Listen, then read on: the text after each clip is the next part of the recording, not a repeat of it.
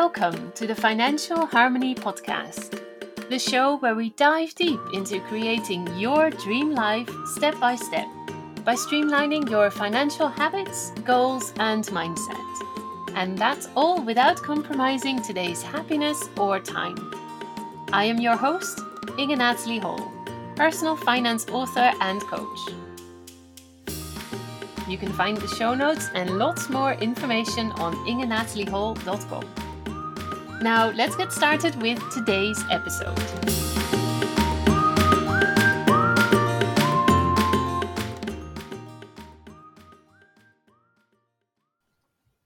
Hey, and welcome to another episode of the Financial Harmony Podcast. This is episode 24, and today we'll be talking about five habits to transition from financial chaos to financial freedom. Before we start, let me ask you a question first. Would you love to live a more abundant life? Stop worrying about the future and know that you have systems and habits in place that help you work towards more financial security and freedom all the time. I hope you are and if so, you've come to the right episode. Let me tell you that more than five years ago, I was exactly in the place where you might now be. Not making nearly as much money as I wanted, even though I worked incredibly long hours in my very own company. Having no idea how to plan for retirement, and let alone have a retirement savings fund in place not being able to set aside enough money towards my savings goals every single month. and don't even get me started on investing, as that sounded way too overwhelming and complicated. So I was pretty much not living anywhere close to my dream when it came to how I spent my time and my money. If you've been around for a while, you know that I spent a very long time working on my own financial literacy and understanding. I read books and blogs and websites and listened to every single podcast episode that I could find that helped me understand personal finance. And with that information, I implemented new steps every single time. And I tweaked and tried and adjusted until I worked out the system that helped me create the life that I currently have. And now I've created several sources of income. I have a retirement plan that I contribute to every single month. I invest in the stock market. I have several savings goals that I contribute to every single month. And more than anything, I have found a much healthier and happier balance in my day to day life and I've completely changed my money mindset and my relationship with money. And more than anything, I want that for you too. Which is why today I'm going to let you in on the five habits I swear by that helped me transition from financial chaos and not having a clue about what was going on and where I wanted to go to creating more financial freedom. I still implement these things every single week to make sure that I stay on track. So pay close attention and use this to your advantage to create the financial life that you want to, and so that you can be in charge. I want you to feel happy and comfortable with the decisions that you make about money so that you can live the life that you want. Spend time the way that you want and not the way that you have to and generate the amount of money that feels right for you. Whether that is buying a huge house, or having four Lamborghinis, traveling the world, or retiring early, it doesn't matter. Whatever your dream life is, you too can work towards that. When I first started out, I had no idea what was possible and what I really wanted but I did have clear what I didn't want anymore. I was ready to leave the chaos behind, where I had zero organization when it came to my finances, I felt super disorganized and I had no idea what my financial status was and where I was going. I worried about the future and I was done with that. I wanted to feel secure that I was creating a secure future and that I was going to be able to retire. I didn't want to feel that my contribution wasn't important enough due to the fact that my pay wasn't as much as I wanted and wasn't as much as what I put in. I was ready to leave the guilt about wanting more money and the shame about not knowing about money behind. And I wanted to stop having to always check my bank account to know whether I could afford something, even if it was just a small extra thing. If you feel the same, then stick with me till the end and I'll walk you through how to overcome all of this by implementing the five habits that most moved the needle for me. And just to give you a quick extra support with this, make sure to hop over to the show notes on ingenataliehol.com forward slash episode 24 to get your free cheat sheet with these habits so that you can download them and don't need to worry about remembering them all now. I've got you covered if you need a little extra reminder about these five tips. So go to ingenataliehol.com forward slash episode 24 to get your free download there. Now let's get started with the five habits. The first habit I'd like you to implement if you want to move from financial chaos to financial freedom is to block time in your calendar every single week that you dedicate to creating your dream. So make sure to pull out your calendar. If it's a digital calendar, even better, because then you can make it a recurring appointment with yourself. Block in the time that you can spare. Now, I would say at least one hour a week, but ideally it'd be three hours a week. This could either be divided over one or two days. But if you're able to find three hours every single week at a dedicated time and day, that would be amazing.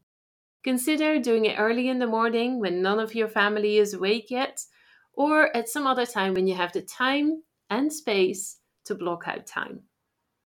Now, here's a small extra tip that really makes a difference when it comes to this habit. Try and label your time. So instead of just blocking out some time in your calendar, give it a name that really speaks to you and that gets you motivated. So, here's some ideas for you that might help you come up with a name that sounds good to you Tiger Time, Dream Life in the Making Time, Financial Freedom Focus, or Money Moment. Those are just some ideas, so find one that works for you and that gets you excited about actually dedicating the time to work towards a new financial life.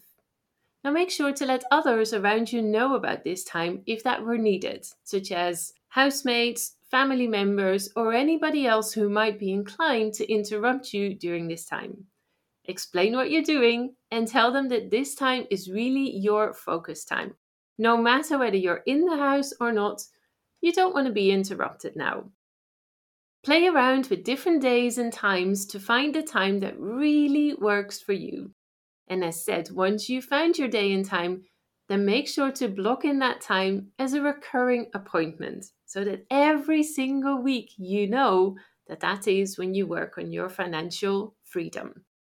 And one last thing if ever you find that you can't actually have that time in a certain week because life happens, then make sure to reschedule it as soon as possible so that you don't default on this appointment. Moving on to the second habit. When you embark on your journey to create your financial dream life, make sure that whatever you try that you make it work for you.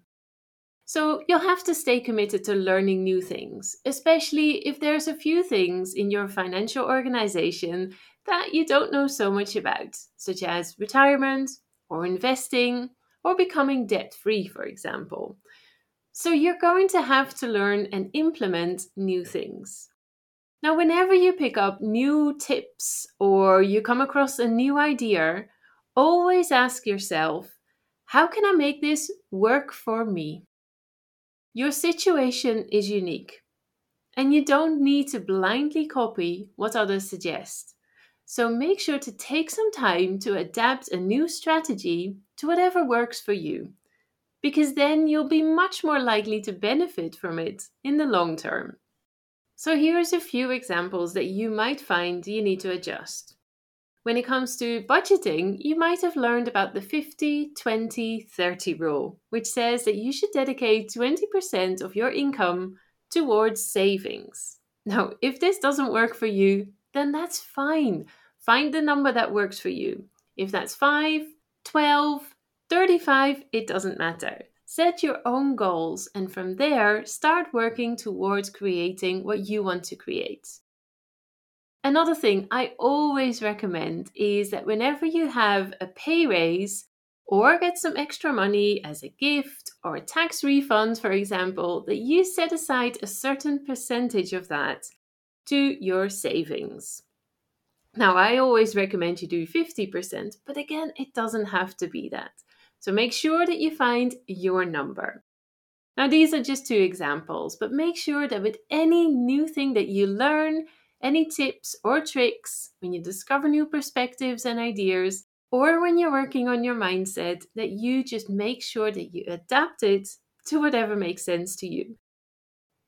Okay, the third habit, and this is one of my favorites set true goals. what do I mean with true goals?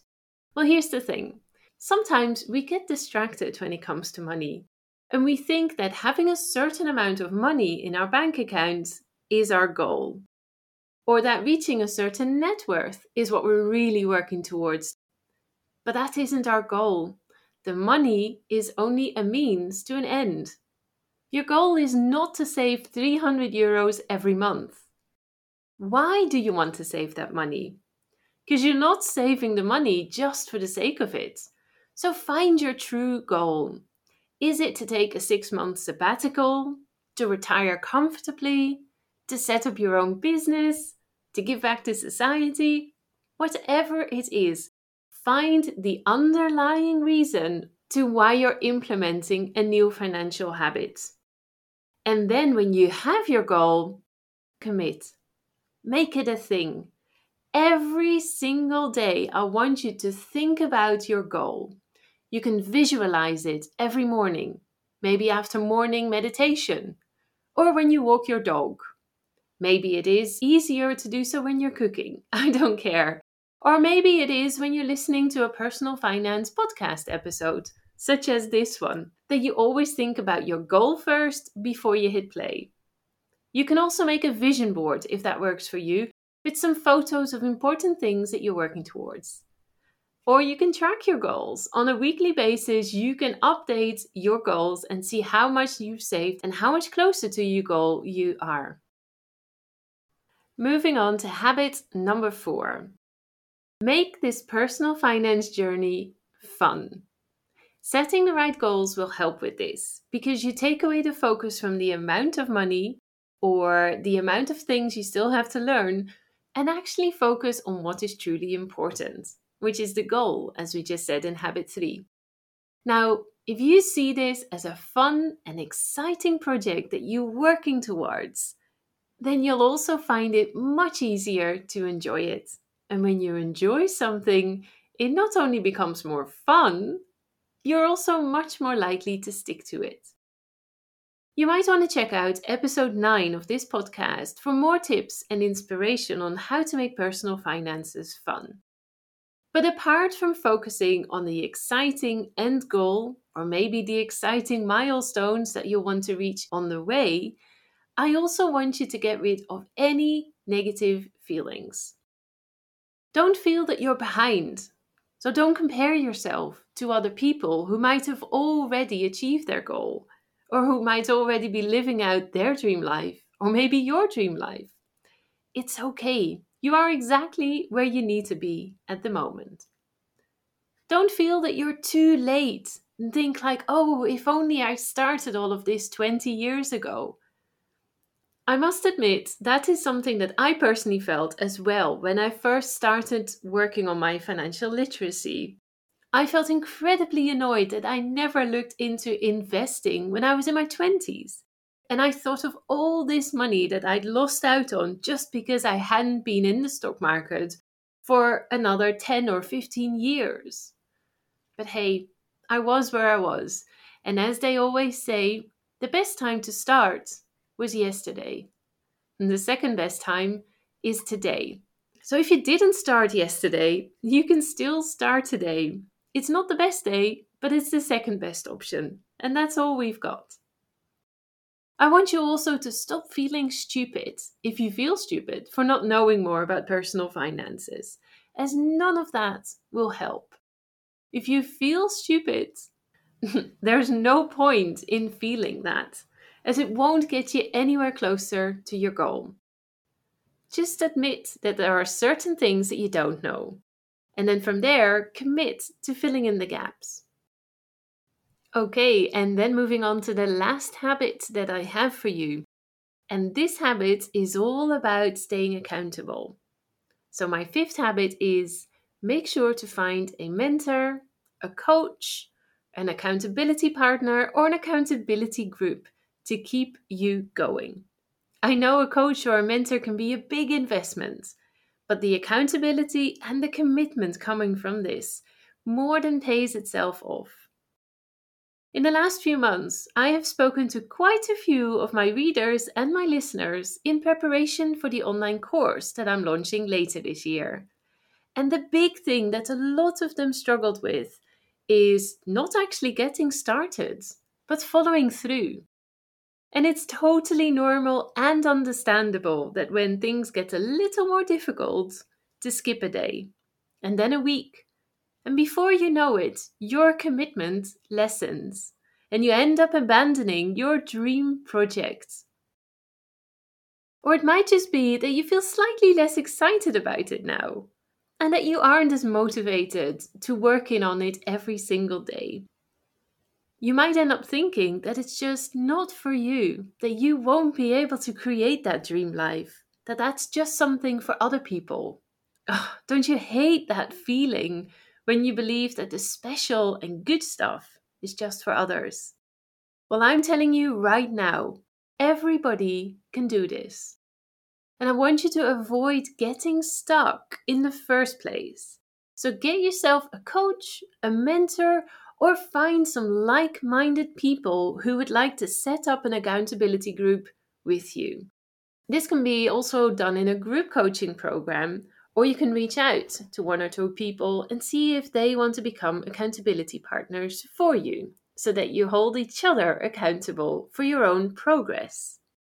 And believe me, this can make a tremendous difference when it comes to reaching your goal, as you are much more likely to stick to it, even when the going gets rough, when you feel slightly less inspired. So go contact a friend, a family member, a colleague, or find somebody in a group on Facebook and help each other get to the place where you want to get to. Okay, there you have it. Those are my five habits that really make a difference when it comes to creating your financial dream life. Let me just quickly recap them for you. Number one, make sure to block time in your calendar every single week and give this time a special, funky, motivating name. Number two, with everything that you learn, make it relevant to you by making it work for you. So feel free to adapt any rules or tips or perspectives to implement it into your own strategy. Number three, set true goals that focus on the outcome and not on the amount of money. Why are you wanting the money? Number four, make it fun and see this as an exciting journey. And lastly, find yourself an accountability partner or an accountability group. So, those are my five habits. And as said, I still implement every single one of them every week because I know that without doing so, I am likely to fall off the wagon too and lose sight of my dream life. And there are so many things that I want to achieve still and that I am working towards. So I want to make sure that I stay on track. And I want the same for you. Now, as I said before, there is a download available on my website in the show notes. If you think this will help you, go to ingenataliehol.com forward slash episode 24. Now, one last thing before I sign off. If you enjoyed this episode, I would love for you to take a screenshot and share it on your Instagram, either in your stories or in your normal feed. Make sure to tag me so that I can see who's listening and I really enjoy seeing that people found this episode useful. And that was it, the end of this episode of the Financial Harmony podcast with five habits on how to go from financial chaos to financial organization. I hope you enjoyed it. Make sure to follow the podcast, and I'll see you again next time. Bye for now.